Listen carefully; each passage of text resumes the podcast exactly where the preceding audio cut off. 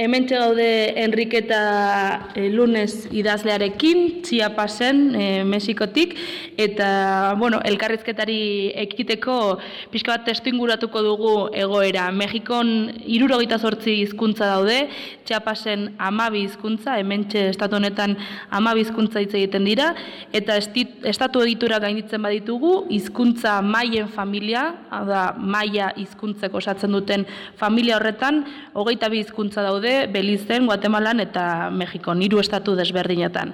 Orduan, testu inguru horretan aurkeztuko diguzu zure hizkuntza, tzotzil hizkuntza, non solasten da, zenbat pertsonek solasten dute, zein egoeretan dago? Leo Xukeatekelik, ali libu vieja, ali Maria Enriqueta Lunes, like muntalta Chamula Chiapas. Ni Enriqueta Lunes Pérez naiz, San Juan Chamulakoa Chiapasen. Gaztelerak e, txotxil izen eman zion nire hizkuntzari, baina guk bat txikop deitzen diogu. Itzez itzezko itzulpen batean, benetako hizkuntza erran nahi du bat txikop hitzak. Gure hizkuntza txiapaseko hirugarren hizkuntzan diena da, lehenbizi gaztelera dago noski, gero tzeltala eta ondotik tzotzila. Iztun kopuroaren zifra zehatza ez daukat eskura, baina nire komunitateari buruz hitz egin dezaket eta bertan biztan lehen neuneko larogeita masei edo larogeita mezortziak hitz egiten dugu gure hizkuntza.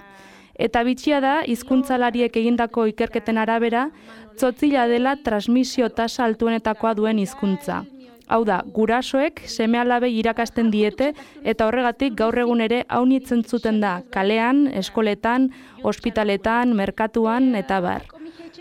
Erraten aldugu, hizkuntza hau funtzionala dela eskualde honetako biztan lehendako, guztira amazazpi udalerri biltzen dituen lur honetan. Arras interesgarria eh, Enriketak egin digun lehenengo hurbilketa hau eta orain fokoa zabaldu nahi dugu mundura. Munduan zazpi mila hizkuntza daude, geroz eta azkarrago galtzen ari dira eh, hizkuntza hauek, galtzen ari gara edo hiltzen ari dira hizkuntza hauek. Adituek erraten dute mendea bukatu baino lehen txuntxituko, txuntxituko dituztela hizkuntza hauen erdiak edo. Totilaren kasuan, e, nahiko duke jakin zein izan den evoluzioa azken hamarkadetan, hau da, iztunak irabazten ari den edo iztunak galtzen ari den, e, espazio berriak e, irabazten ari den hizkuntza, osasunean, justizian, hezkuntzan, komunikabidetan, edo aldiz espazio hauek galtzen ari den. Enriketa, errai guzu. Ahetsko eran las kalektus likele, li batzikope, Lehenago erraten nuen bezala, tzotzilaren erabilera handia da oraindik, indartsu dago alor horretan, hala ere, atzera egiten badugu, berrogeita margarren, irurogeita margarren amarkadara, tzotzila hitz egiten zuten herriak elebakarrak ziren, arras jende gutxik zekien gazteleraz. Gaur egun, errealitatea ez da horrelakoa. Elebidunak gara gehienak eta gurasoek txikitatik irakasten dizkiete aurrei bai tzotzila eta baita gaztelera ere, lehen ez bezala. Lehenago, tzotzilez bakarrik egiten baitzieten. Nik alabizi nuen txikitan. Ja ezinezkoa zen gaztelera zekien aurren bat aurkitzea beraz, bertakoekin komunikatu nahi bazenuen, tzotzia ikasi behar zenuen, bai edo bai. Orduan, nola hasi zen tzotzia indartzen? Ba datu zehatza, baina uste dut mila bederatzireun da mezortzi urtearen bueltan hasi zela pertsona talde bat biltzen eta ez baidatzen tzotzia idatziz jasotzearen beharraz. Ordura arte, hauzko hizkuntza baitzen soilik. Mugimendu hori forma hartzen hasi zen eta asteko tzotzi idazten ikasteko testu liburu batzuk egin ziren. Horrekin batera, ahozko tradizioko historio eta kondairen, kondairen bilduma bat egin zen. Orduan sortu zen idazketa tzotzilez, noski alfabeto latinoarekin, eta horrela lortu genuen tzotzilez testuak izatea. Baina beti-beti edizio elebidunak ziren, gazteleraz eta tzotzilez. Elebitasuna indartu zuen horrek eta erran dezakegu horri esker iriko jendearekin harreman gehiago dugula, baina bertzalde kasiko arkabean bada ere gaztelera tzotzila desplazatzen hasi zen. Tzotzilarenak ziren espazioak gaztelerak hartu zituen. Hori dela eta orain aurrek aziala nahiago izaten dute gaztelera egin tzotzilez beharrean. Beraien artean edo baita ere hizkuntzak nahasten hasi. Dena den, aurrera pausu batzuk ere badira. Ni txikian nintzenean ez nuen aukerarik izan lehen hezkuntzan testu bakar bat ere tzotzilez izateko. Baina gaur egun hezkuntza gazteleraz bakarrik eskaintzen bada ere, badira testu batzuk tzotzilez. Irakasleek debalde erabiltzen aldituzten testuak. Horrez gain, ospitale batzuetan ere nolabaiteko presentzia lortzen ari da tzotzila e, iragarkietan adibidez edo saiatzen dira langileren batek hizkuntza jakin dezan. Justiziarloan ere espetxeratutako pertsonek eskubidea dute interpretazio zerbitzua izateko beraien hizkuntzan. Beraz, aurrera pausoak badira erabilera ere muetan, txikiak baldin badira ere.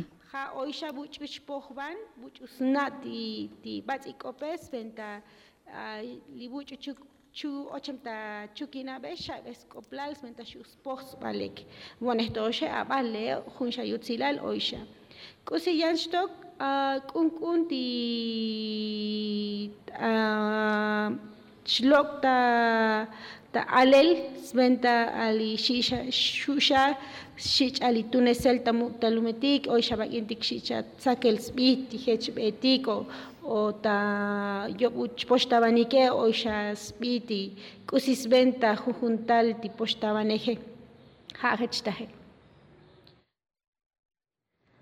Atzera begirako bat egin diguzu e, tzotzilaren historian zehar bidaiatu dugu eta lorka ere ba, justizian edo osasungintzan edo hezkuntzan zein egoera izan duen eta gaur egun duen azaldu diguzu, baina zu idazlea zara, beraz, zentratu gaitezen orain e, idazle izatearen lan, lamide horretan. Nola ikusten duzuzuk tzotzila literaturaren arloan?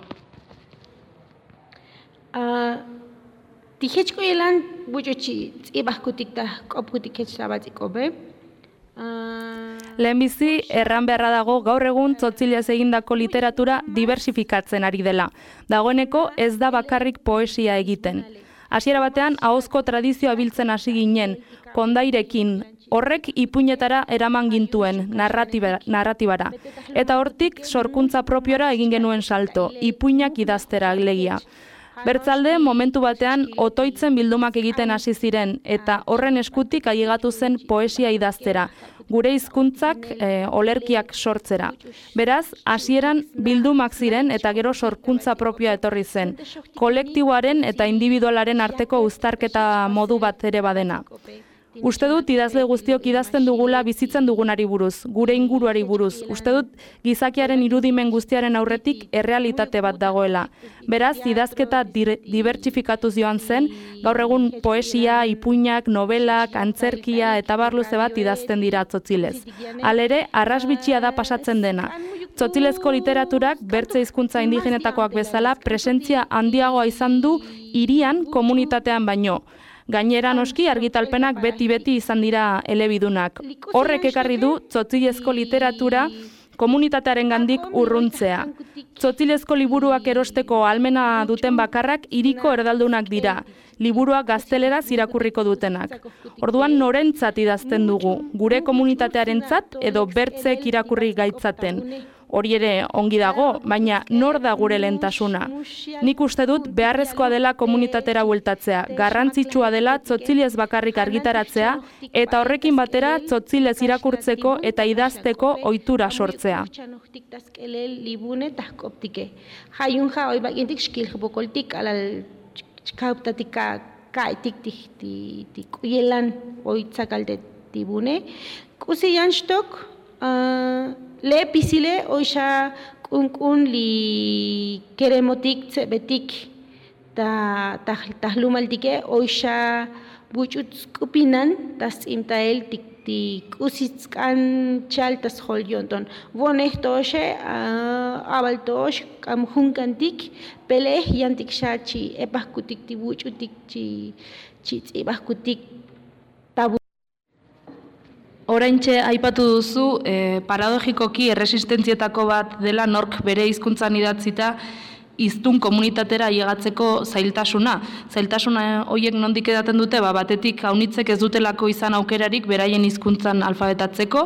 Euskaldunek garai batean bezala solastu bai, baino idazten eta irakurtzen ez zekitelakoz, eta ez berbera pasatzen da, gure kasuan e, gazteleraz alfabetatzen zituzten edo frantsesez e, aurrak, eta tzotzilaren kasuan e, espainolez e, gazteleraz, eta orduan komunitateak badaki solasten, baina e, idazten eta irakurtzen e, gutxik. Eta bertzetik, zuk aipatu bezala, e, edizio lebidun hauek ba, merkatu jakin batendako pentsatuak daude, normalean hiritan dauden pertsonendako eta normalean hiztunak ez diren pertsonendako gazteleraz, e, tzotzilaren tzotzilez sortutako literatura kontsumituko dutenendako pentsatuak daude eta beraz horrek ere ekartzen du e, zailagoa izatea komunitate horrendako ba, liburu hori erostea adibidez prezio aldetik garestiagoa delako edo tirada txikiak e, egitea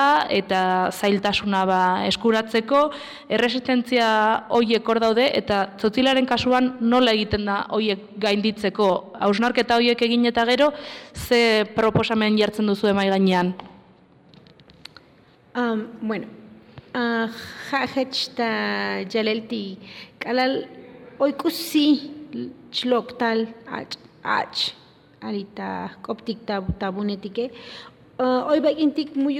Zotzilaren idazketari dagokionez, orain arte egin den lanak baditu erronka batzuk aurretik. Sortzen ari garen guztia ezagutzera eman behar dugu komunitatean, dena irian geratzen baita orain. Liburu baten aurkezpena irian da, eta horrela guztia. Idazleok ere gure egotik aratago ikusten ikasi behar dugu. Hezkuntzaren arloan aldiz e, badugu zer egin e, komunitatean ez gaudelako gure hizkuntzan alfabetatuta. Gure ama hizkuntza ez den hizkuntza batean gazteleraz irakasten digute irakurtzen eta idazten eta hori irauli behar da. Irauli behar dugu.